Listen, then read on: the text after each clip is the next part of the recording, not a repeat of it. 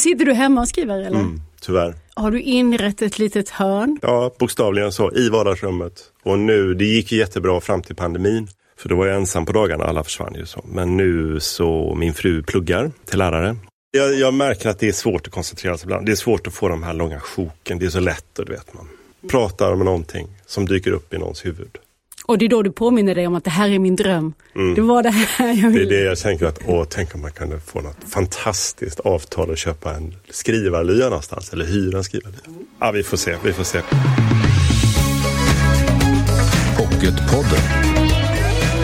En podd för dig som älskar pocket. Hej och välkommen till Pocketpodden avsnitt 73. Jag heter Lisa Tallroth. Att som barn i leken nästan råka döda sin kompis, det är ett barndomsminne som inte lämnat författaren Bo Svernström i fred. Det blev ett tänk om som växte och la grunden till kriminalromanen Lekarna. En berättelse som också hämtat inspiration från det uppmärksammade Kevin-fallet. Och allt det här ska vi prata om för Bo Svernström är dagens gäst. Och sen till kaffet blir det en spänningsroman av annat slag och i en helt annan miljö på randen till den australiensiska öknen. Där utspelar sig Jane Harpers senaste roman En förlorad man. Där har du dagens innehåll. Nu börjar vi! Bo Svärnström, hej! Välkommen till Pocketpodden. Kul att vara här. Hej. Bo Svärnström, men Bosse. Mm. Det är så du vill ha det också ja, det när vi pratar. känns bra. Ska vi börja med faktarutan ändå? Vem är du? Jag är 56 eh, och har jobbat som journalist i större delen av mitt yrkesverksamma liv. Varit på Aftonbladet i ja, nästan 20 år innan jag sa upp mig för två år sedan. För att skriva på heltid? Ja, jag kom till en sån punkt då man måste välja i livet. Det var jättejobbigt. Jag tyckte väldigt mycket om att jobba där. Det var en bra arbetsplats och ja, du vet, man blir bekväm när man känner alla och det är väldigt varierande jobb. Jag ju, satt ju på massa olika redaktioner och jobbade med deras plusredaktion i slutet. Trivdes jättebra. Men då fick jag ut då första boken. Jag tyckte ju det var jättestort. Det var ju fantastiskt. Det Offrens ju liksom, offer. Offrens offer, ja. Kom 2018. Ja, ett paradigmskifte i mitt lilla liv i alla fall. Inte för mänskligheten, men för mig. Då så blev jag även då kontrakterad av Bonnier Rights som är en agenturbyrå som sköter utlandsförsäljning. Det var ju både Bonniers och Bonnier Rights. Voice. vad, vad skriver du på nästa nu då? då berättade jag om Lekarna som då hette i mitt huvud Barnamördaren. Jag brukar sätta titlar som blir liksom som man har någon sorts sån fyrbåk som man vet vart är jag på väg någonstans. Jo men dit ska jag. Alltså. Och då så bad eh, agenturen, så, men du kan väl skriva, det bara så att de verkligen förstår att du jobbar på den här så kan du väl skriva ett synopsis då. Ja, så jag satt där hemma på en förmiddag och så tänkte jag, mm, någonting sånt här kanske. Det här blir väl bra. Skickade in två och en halv sida och sen så ringer hon efter en vecka och säger, du nu har vi sålt den här till Norge. Bara shit, på två och en halv sida ut klok. Jättejobbigt. Bra agentur du har. Ja, jättebra. Och sen hade de sålt den här plötsligt till åtta länder. Mm. Både Offrens offer och den här helt oskrivna boken Lekarna. Då. Som nu ligger framför oss och Som är nu färdig. Ligger, ja, precis. Men så det här betyder ju då att det här är den, den svåra andra boken mm. efter det underbara paradigmskiftet att bli precis. utgiven och bli debutant. Ja. Men samtidigt kanske lite mer rutin, visste du vad du skulle ja, göra? Eller? Den var, jag Hur hade idén ganska klar för mig så det var ju bra så. Sen så tycker jag ju att det är jobbigt att skriva någonting som man redan har fått pengar för. Jag tycker ju bättre om att skriva på späck. Alltså att man skriver först. Ja. Och sen får folk ta ställning till det. det. Här skiljer du dig väldigt markant mot många andra. De flesta tycker det är skönt att få pengarna först. Ja, jag tycker att det var jättejobbigt så. Men då, då hamnade jag i, dels insåg jag att jag måste få tid så att skriva den där så. Så att då tog jag tjänstledigt. Och sen så gav en del av utlandskontrakten gav så pass mycket pengar att när tjänstledigheten var slut då, då var jag väl relativt klar med den här boken. Men då var jag tvungen att bestämma mig om jag ville jobba kvar eller om jag ville satsa på detta. Och då kände jag att, eh, ja, även om det är ju en absolut högst osäker ekonomisk framtid så kände jag att vissa beslut måste man göra i livet. Jag intervjuade Jeff Bezos en gång Det är den enda A-kändisen jag någonsin intervjuat som journalist. För jättemånga år sedan, då var Amazon, alltså han är grundare och VD för Amazon, världens rikaste man. Men jag tror inte han är världens lyckligaste man. Nej, det är han nog inte. Men så har han skilt sig och sådär, Ja. så han är nog Han kanske inte världens stökigt. rikaste. Han har det stökigt så. Men, men han sa en klok grej när han satsade på Amazon, för då var han väldigt framgångsrik finanskille på Wall Street i New York. Och internet låg i sin vagga och han satt och tänkte på detta och sen såg han att det här, någonting kommer att kunna säljas på internet. Det här kommer bli en handelsplats och så frågade han sig själv, ska jag satsa på det som då skulle bli Amazon? Och han satsade ju hela sin förmögenhet och han satsade sina föräldrars pensionssparande så det var ju en stort beslut att ta. Men då sa han det i intervjun, det är, sån här, det är ju inget märkvärdigt, det är en sån här klichégrej. Men då sa han det att, att ja, men jag tänkte hur det var när jag är 85, om jag nu blir 85. Ja, säg att allting går åt helvete. Så skulle jag ångra det då? då? Amazon blir konkurs, jag förlorar alla mina pengar, jag måste börja om från början igen. Skulle jag ångra det när jag är 85? Nej, det skulle jag absolut inte. Och så vände han på det då. Ja, men jag skiter i det. Jag jobbar kvar på Wall Street, jag blir VD, jag tjänar otroligt mycket pengar och är väldigt framgångsrik. Så. Skulle jag ångra att jag inte startade då? Ja, det skulle jag ångra. Så då gjorde han det. Och det ungefär samma resonemang Ja. kände jag. Detta är ditt Jeff Bezos moment. Ja, lite så. Mitt enda i livet. Så. Men då var jag tvungen att ta den ställningen. Så. Om det går åt helsike skulle jag ångra mig och det skulle jag inte. Men jag skulle ångra mig om det var kvar. Om detta kan vi bara säga just nu, för än så länge är det ganska färska böcker vi har. Ja, Eh, jag tycker det. de verkar ha gått rätt bra. Men vi kan få återkomma då när vi närmar oss 85-årsdagen Precis, och, och se om du precis. ångrar detta eller inte. Men just nu så är vi ju mitt uppe i din gryende författarkarriär. Den andra boken, Lekarna, ligger här på bordet och Offrens offer var den första och det är ju spänning och krimgenren du har gett dig in i. Offrens offer kan jag bara lite kort eh, säga, den handlade ju om, där var det, det var rätt blodigt. Det var en serie mord på grovt eh, kriminella eh, som du nystade upp ett intrikat nät och introducerade den poliskommissarie som fortsätter nu här i Lekarna, Karl. Han är öppen för nytt men helst inte. Ska man förstå det så? Han är lite av en filosof tror jag. Och alltså en reflekterande person. Kan absolut tänka sig nytt, men inte bara för att det är nytt. Nej. Det är polisen som återkommer men det är inte han som är huvudperson kan man säga Nej. i Lekarna. De har ju någon B-rollskaraktär. För huvudpersonen här det är nu berättar jag lite kort vad vi har att göra med så man vet det. Det är Robert. Honom möter vi när han är i 35-årsåldern och då förstår vi att hans liv har helt och hållet präglats av att han som 11-åring pekades ut som den som hade mördat en jämnårig kamrat, Max. Och det här har han ju då själv inte några klara minnesbilder av. Och det som händer nu då här så här många år senare det är att en journalist har fått upp ögonen för det här fallet och hon vill skriva en bok om Robert och hans berättelse. Och då börjar vi ju förstå här att oklarheterna blir allt fler. Vad var det egentligen som hände och hur gick den här polisutredningen till? Och eh, samtidigt i den här storyn så hittas också en flicka, just 11-årig flicka, död i ett skogsområde, samma område som Robert växte upp i. Och så börjar ju då polisen ana att det kan finnas ett samband mellan de här fallen. Det är ungefär så mycket jag vågar berätta. In, för att man får inte, det är många twists and turns här. Det är mycket som, som inte är vad det synes vara. Så man får hålla tungan rätt i mun här nu när man ska prata om lekarna. Men något sånt där ungefär började, eller hur? Ja. Och berätta om upprinnelsen till den här historien. Man, man tror ju då lätt att det här var utifrån Kevin-fallet som ju blev väldigt aktuellt när jag satt och skrev på den här. Men det är faktiskt inte det, utan idén kommer från ett barndomsminne.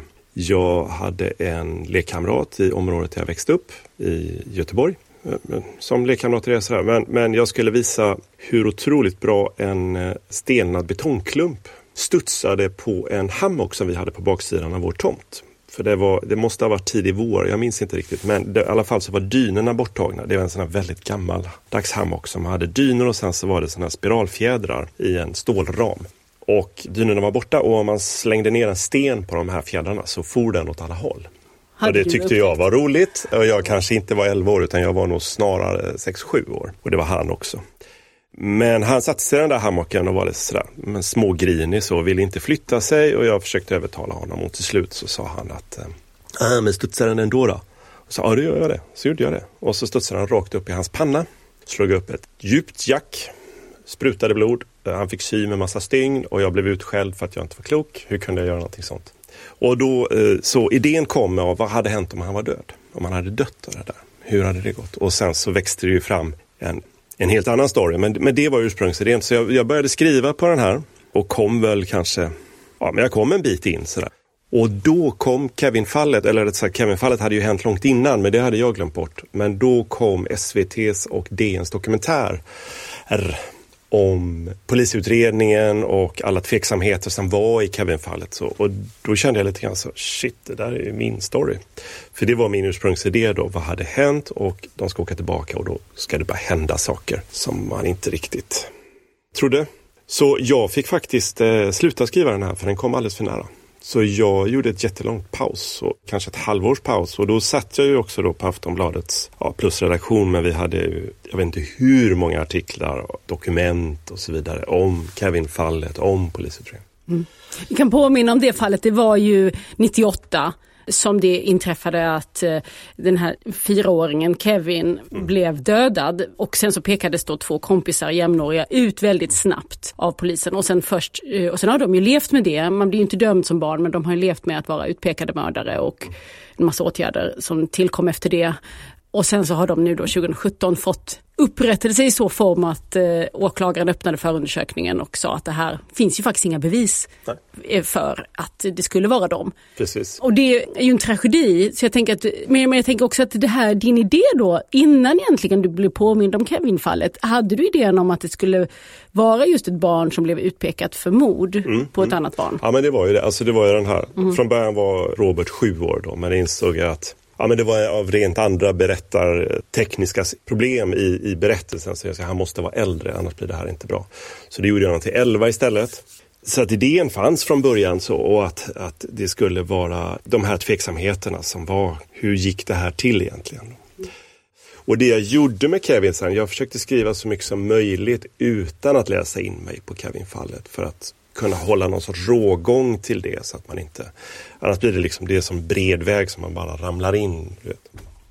Eh, för det är, ju, det är ju ovanligt, kan man ju ändå trygga sig med. Det är ju väldigt, väldigt ovanligt att barn eh, mördar andra barn och, eller att de pekas ut som mördare eller att de mördar någon överhuvudtaget. Tack och lov. Men, så att de fall som finns har ju fått mycket uppmärksamhet och, och det här Kevin finns ju i mångas minne nu här, eller färskt i minne. Eh, det var en upprörande historia. Och vad, och vad var det ändå du tänkte liksom att du kunde hämta ur den storyn? Det jag hämtade är mycket, dels sådana här alltså, tekniska saker som jag inte haft en aning om, så bevistalan till exempel. Att man kan begära en bevistalan och det är helt, alltså man kan ju inte åtala barn men däremot så kan man pröva bevisen i en rättegång som om det vore en åtal och bara se om det håller eller inte för att få en ytterligare instans som kan vad ska man säga, granska polisutredningen. Annars blir det ju bara en polisutredning och så finns det ingen juridisk bäring på den egentligen. Men det gjorde de aldrig. Och det tyckte jag, det var ju väldigt intressant. Så det har jag använt mig i här också. Att de, det är ingen som begär en bevisprövan. Eh, det är också förhörstekniken. Jag ville att de skulle ha eh, tveksamma förhörsmetoder. Och där lånar jag, inte allt, men en hel del från Kevin-fallet och mycket den här mycket omtalade psykologen som, som hade lanserat de här metoderna. Så. Så där finns det ju mycket och det, så det var ju liksom, lite grann var det ju någon sorts gratis researchbok så. Så jag samlade ju på Kevin-artiklar och läste igenom, jag ska inte säga efterhand, men, men så att jag ändå hade min egen story klar. Så. För de ligger ju ungefär i samma tidsintervall också. Jag tänker på de här 30 eh, åren då mellan 90-tal och idag när det också verkar som eh, att polisen har helt ändrat sina förhörsmetoder av mm. barn. Medan Robert då i din roman, han, han får ju leva liksom med samma slags öde kan man säga som de här bröderna i Kevin-fallet. Att ha gått igenom de här eh, förhören väldigt ensam och att sen helt enkelt leva som utpekad. Men och det där, alltså den här liksom psykologiska det verkar ju som en väldigt svår sak att skildra och det skriver du ganska mycket om hur Robert då har blivit påverkad av det här barndomstraumat och att ha blivit utsatt för de här utredningarna. Hur kom du åt det? Egentligen, det som jag berättar är ju det är relativt lite från förhören så, utan det, det omnämns ganska kort så. Och det som jag tyckte var intressant, och det var ju liksom första idén, hur ser ens liv ut? Och där, det gick förvånansvärt lätt faktiskt att, att föreställa sig ett liv. Så det som är hans livssår, vad man ska säga, och hans rädsla, det är ju att bli exponerad för detta. han gömmer ju undan detta, han försöker låtsas som ingenting. Och det gör ju också att det blir svårt för honom att ha nära relationer, för så fort han har en nära relation så det, det blir som att du har ett jättestor zon som du aldrig kan nämna. Och förr eller senare så frågar jag men vad är, varför kan du inte prata om det där? Så, ja. så han är väldigt rädd att det här ska komma fram, så han har ju egentligen bara ja, ytliga bekanta och knappt ens det. Så lever väldigt isolerad. Och jag vet inte om det är Kevinbröderna har väl Alltså de som blev utpekade för mordet på Kevin, så de tror jag inte riktigt lever så på det sättet. Men eh, jag har försökt göra det så trovärdigt det går och som för min föreställningsvärld så skulle det vara ungefär så som jag skulle reagera tror jag. Du låter Robert säga, vi följer ju honom i jag-form och eh, du beskriver det som att han alltid har tänkt på den här händelsen med den döda kamraten som sitt ground zero. Mm. Eh, skriver du, att det, att det inte finns något före, det finns bara någonting efter. Förklara den där bilden. Och det är svårt utan att avslöja för mycket. Eh, det är ju en av plotpointsen varför det är ett ground zero, varför han tror det och hur såg livet ut innan. Så det är ju väldigt svårt att säga. Men man kan säga att det här är ju i hans föreställningsvärld, i den värld som man lever i när man möter Robert, den som är den, hans vardag, så, så har han hängt upp allt i sitt liv. Allt som är dåligt, allt som han är besviken över att inte ha fullföljts eller utvecklats på det sätt som det haft potential att göra. Allt sådant negativt har han hängt upp på just den här händelsen. Så på så sätt är det hans ground zero den styr allt i hans liv. Så. Sen gör han ju massa bra saker så, men, men den här bitterheten eller vad man ska säga, så att det där förstörde mitt liv. Eh, så på så sätt är det. Men sen så finns det en utveckling i detta. Så saker, precis som du sa inledningsvis, så saker är inte riktigt vad de ser ut att vara. Nej. Men du, den andra startskottet till den här romanen som du berättade om, ditt minne där. Hur kommer det sig att det, att du, det där flöt upp då? Det, det börjar ju liksom, man tänkte, men tänk om man hade dött då? Ja. Du har burit med dig detta ändå i ditt ja, liv? Ja, men det är ett ganska tydligt minne, det är det mm. ju. Det är väldigt tydligt så. Det, det, är så distinkt, det var så dramatiskt, det är, du vet, blod och sånt. Allt sånt där som skapar väldigt starka reaktioner, och framförallt hos en liten pojke. Och jag var jätterädd och jag hade otroligt dåligt samvete för att jag eh, gjorde detta. Min första tanke var ju så, hur, hur hade mitt liv sett ut om man hade dött? Och så föreställer jag mig det. Och sen så kom den här krimkreativiteten igång. Så då tänkte jag det, att, han, att man skulle så kunna använda det här som en karaktär och att han blev utpekad för detta. Alltså det är ju så, det, det är ju ingen som säger, eh, varken i Kevin-fallet eller i Högsjö mordet som... Hovsjö va? Hovsjö, förlåt. Hovsjö. Det här eh, sax, det, ja, precis, saxmordet där ja. I Hovsjö, det var också en sån här historia när ett barn dog och ett annat barn blev utpekat. Ja, och den har jag nästan hämtat mer detaljer för, för den, där stämmer det väldigt väl. I någonstans i den här utredningen så, så är ju Karl den som är då den här reflekterande filosofiska kriminalkommissarien som, som just han reflekterar just kring ett cirkelresonemang som påminner om det som gjordes i Hovsjöfallet. Vissa blodspår begärde man inte in fast man hade liksom samlat in dem. Men då, det var man liksom väldigt ointresserad av i utredningen. Vad jag har förstått de, de artiklar som skrevs då också i samband med, med Kevin-fallet den våren så, så framgick det som att man var så säker på att man hade rätt person att man inte ens, man tyckte inte det var så viktigt med bevisföringen. Mm. Så han resonerar kring detta. Just det, man gräver liksom ner sig i en egen... Det är ju så lätt, det är ju så man fungerar ofta. av i utredningen och sen det handlade bara om att försvara det första Ja, det är idén. ju så vi människor fungerar och så. Det, det tänkte jag också mycket på och försökte ta med i skrivandet så att eh, om man går till folk överhuvudtaget gement så, så gör man sig skyldig till cirkelresonemang hela tiden. Och det, det är inte så konstigt. Man, man lägger upp en teori och sen så letar man efter saker som stödjer den teorin. Det finns ett annat väldigt försåtligt cirkelresonemang som psykologen som kallas in för att förhöra eller vara med och förhöra Robert eh, som barn då. Det handlar om att det faktum att han inte minns vad som hände blir ett slags bevis för att det var han som gjorde det för att han ska ha förträngt det här. Mm. Och det där eh, känner jag liksom lite igen från just Kevin-fallet då, att, att det var, fanns en sånt resonemang. Ja, det fanns något liknande resonemang gjorde det.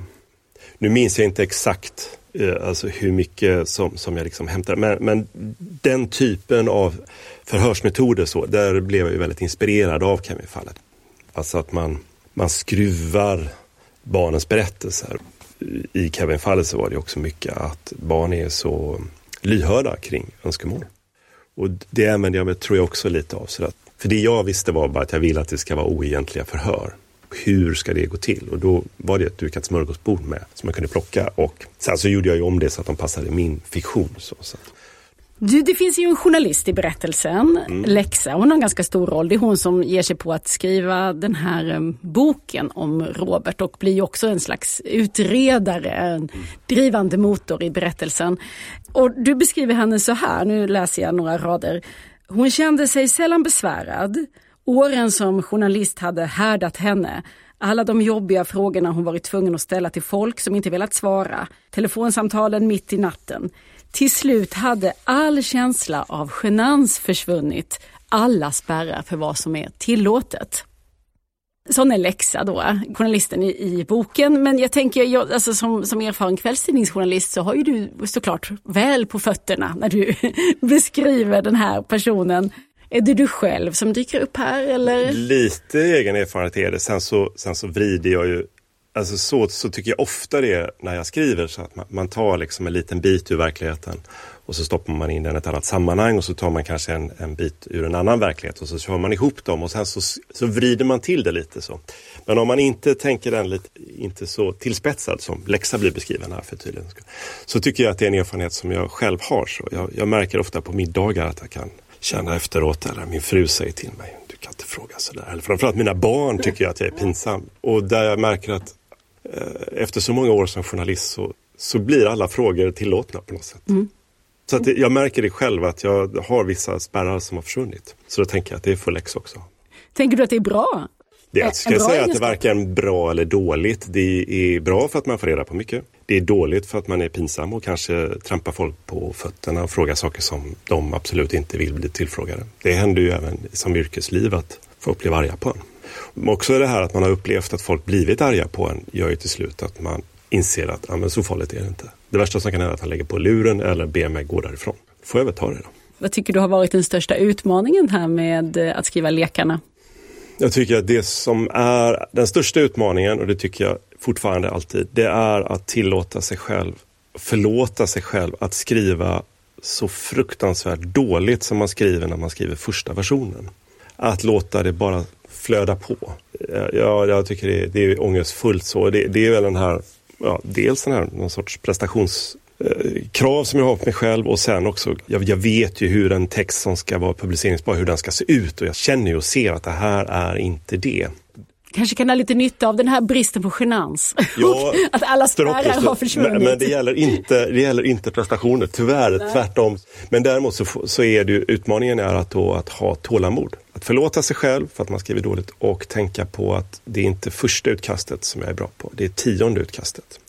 För det är också så jag skriver. Jag, jag har väldigt svårt de här som tänker ut en hel story från A till Ö och så skriver de det. Så, så funkar det inte för mig. Jag börjar med en väldigt enkel idé och så kommer jag på som den här lekarna. Började bara med Robert och sen kom jag på men det går inte. Han måste ha någon att prata med. Jag tänkte ja men det blir läxa. Så, så att han får ett bollplank.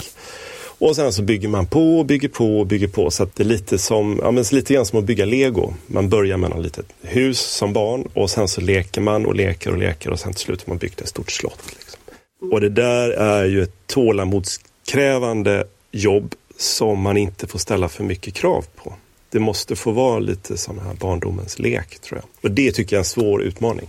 Speciellt nu när man Holland tycker att vi vill gärna ha den här trean si och så. Att man blir Ja, nu börjar de dra i dig, ja, eh, och då de olika man, förlagen och agenturerna. Man, precis, och då blir det ju mer som att skriva en artikel. Och skillnaden mellan att skriva en artikel och skriva den här är att artikeln har du sån tydlig referensram. Du gör en intervju med någon. Man dramatiserar den, man bestämmer en vinkel, det kanske man bestämt innan, men man justerar vinkeln lite grann. Alltså vad ska intervjun handla om, vad är intressant? Och sen så berättar man den. Och det går ganska fort. Och då kan man ju skriva mot en deadline och sådär. Men här ska man ju liksom hitta på.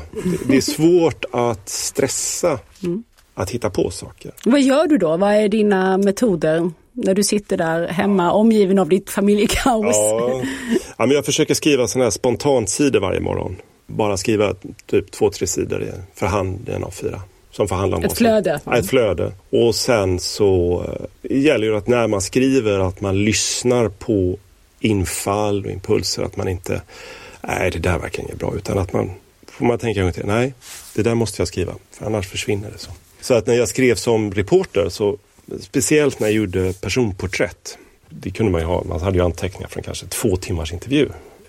Hopplös mängd att skriva snabbt om. Så det hade jag alltid en, en arbetsrutin som var att jag fick inte läsa anteckningarna utan jag satte mig med ett, ett nytt dokument och sen så måste jag skriva minst en sida, helst två, bara ur minnet. Se om det är det viktiga som flyter upp. Och det gör det alltid. Det blir alltid en berättelse. Sen kan man gå tillbaka till anteckningarna och titta. Ja, men vänta, ja, just det. Så sa han ju. Det är ju jättebra. Det kan jag stoppa in. Men då har man redan fått en struktur. Så, så att jag försöker att följa samma impuls här. Man måste följa infallet. Tyvärr finns det ju inget facit. Det fanns det ju där. Man kunde ju faktiskt gå till anteckningarna och säga nej, han sa inte så. Men det, så det är svårare nu tycker jag. Mm. Du måste först titta på verkligheten som du sen ska berätta om. Ja, precis. Vad har du för inspirationskällor? Andra författare eller? Ja, jag skriver ju i genren spänning, crime, vad man nu ska kalla det för. Så, för att jag tycker ju väldigt mycket om att läsa den. Så. Eh, till Offrens offer så vet jag att då läste jag väldigt mycket Gillian Flynns böcker. Mörka platser tror jag den heter. Ja men vad heter den här som är... Gone Girl är väl den Gone Girl, just det. Ja, som mm. blev, ja, jag tror all, ja, några fler har filmatiserats men den, den var en enorm succé för henne. Jag tycker hon är en otroligt begåvad författare. Jag är otroligt impad av, av hennes sätt att bara glida över det psykologiska så att karaktärerna de liksom bara vrider sig ur ens bild hela tiden. Väldigt obehagligt och väldigt effektivt. Så den var jag väldigt inspirerad av. Men sen så, ja, och det är väl också ganska uppenbart. När jag var ung så läste jag Sjöwall och Wahlöö med otrolig behållning. Det kommer man nästan inte runt. Om Nej, man gör inte det. Och jag, jag tyckte väldigt mycket om det. Sen är de ju också ja. väldigt tidstypiska om man läser böckerna och inte bara tittar på den här enormt långa Beck-serien så, så är ju de här politiska pamfletterna som upptar kanske tio sidor ibland. Så de känns kanske inte helt aktuella idag så, men Ja, men de, har, de har varit en stor inspiration. Jag, jag, tyckte väldigt, väldigt mycket om dem när jag läste dem som tonåring, början på 20-åren. Tror jag läste alla, älskade dem. Men nu är det din bok som ligger här framför mig. Lekarna är den alldeles pocketaktuella senaste och eh, Offrens offer var ju då din debut som kom för ett par år sedan. Bo Svärnström, tusen tack för att du kom hit. Tack själv, roligt att vara här. Du lyssnar på Pocketpodden nu håller jag i min hand den roman som utsågs till årets bästa utländska kriminalroman av Svenska Deckarakademin. Det australiensiska Jane Harpers En förlorad man som nu är pocketaktuell. Och jag vet att du, Malin Berglund, pocketredaktör, är ett stort fan av just Jane Harper. Ja, men alltså jag älskar Jane Harper. Jag tycker att hon är helt briljant. Och jag tycker också att hon skildrar Australien så fantastiskt. Och så här, vi är många svenskar som har varit i Australien, bara det. Jag har själv bott där lite, vilket gör att så här, det är så mycket igenkänning och man känner verkligen miljöerna så himla bra. Och vilken del av Australien är det som Jane Harper skildrar? Hon skildrar lite olika delar faktiskt. I den här boken En förlorad man så är det i ökenlandskapet i Queenslands inland. Så det är den sista lilla byn innan vi kommer in i ökenterritoriet.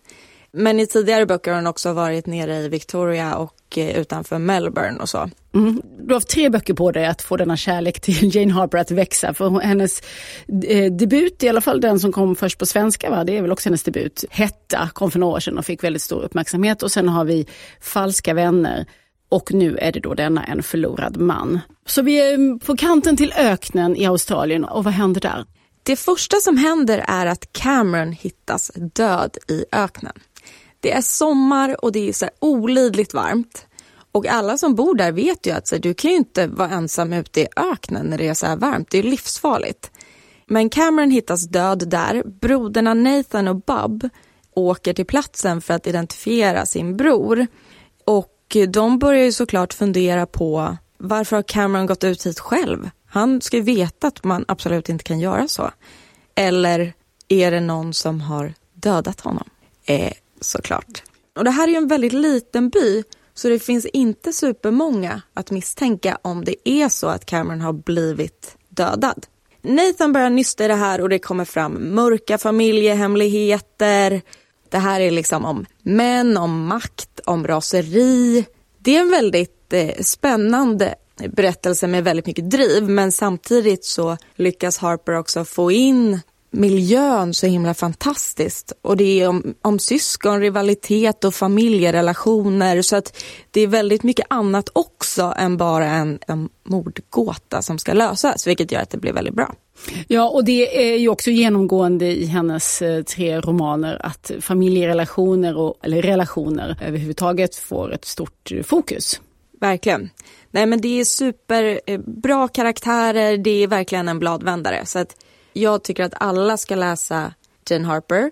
Och särskilt om man har varit en Australien backpacker eller haft en liten semester dit någon gång så kommer man tycka att det är extra roligt. För dagarna när man kan resa dit tycks i alla fall tillfälligt över. Nu får man resa i eh, böckernas värld istället. Och då finns det ju inget bättre sätt att uppleva Australiens öken med Jane Harper. Då. Och En förlorad man, titeln på den senaste nu då pocketaktuella. Tusen tack Malin Berglund. Ja, men tack själv. Nästa vecka kommer Karin Wahlberg hit till Pocketpodden och det är en kvinna med många strängar på sin lyra. Som läkare räddar hon livet på människor men som deckarförfattare drar hon sig inte för att sätta kniven i folk. Det drabbade heter hennes senaste roman och den handlar om nästa vecka här i Pocketpodden. Du kan också följa oss i sociala medier. Där heter vi Älska Pocket och jag heter Lisa Tallroth. Hej då! Du har lyssnat på Pocketpodden. En podd från Bonnierförlagen.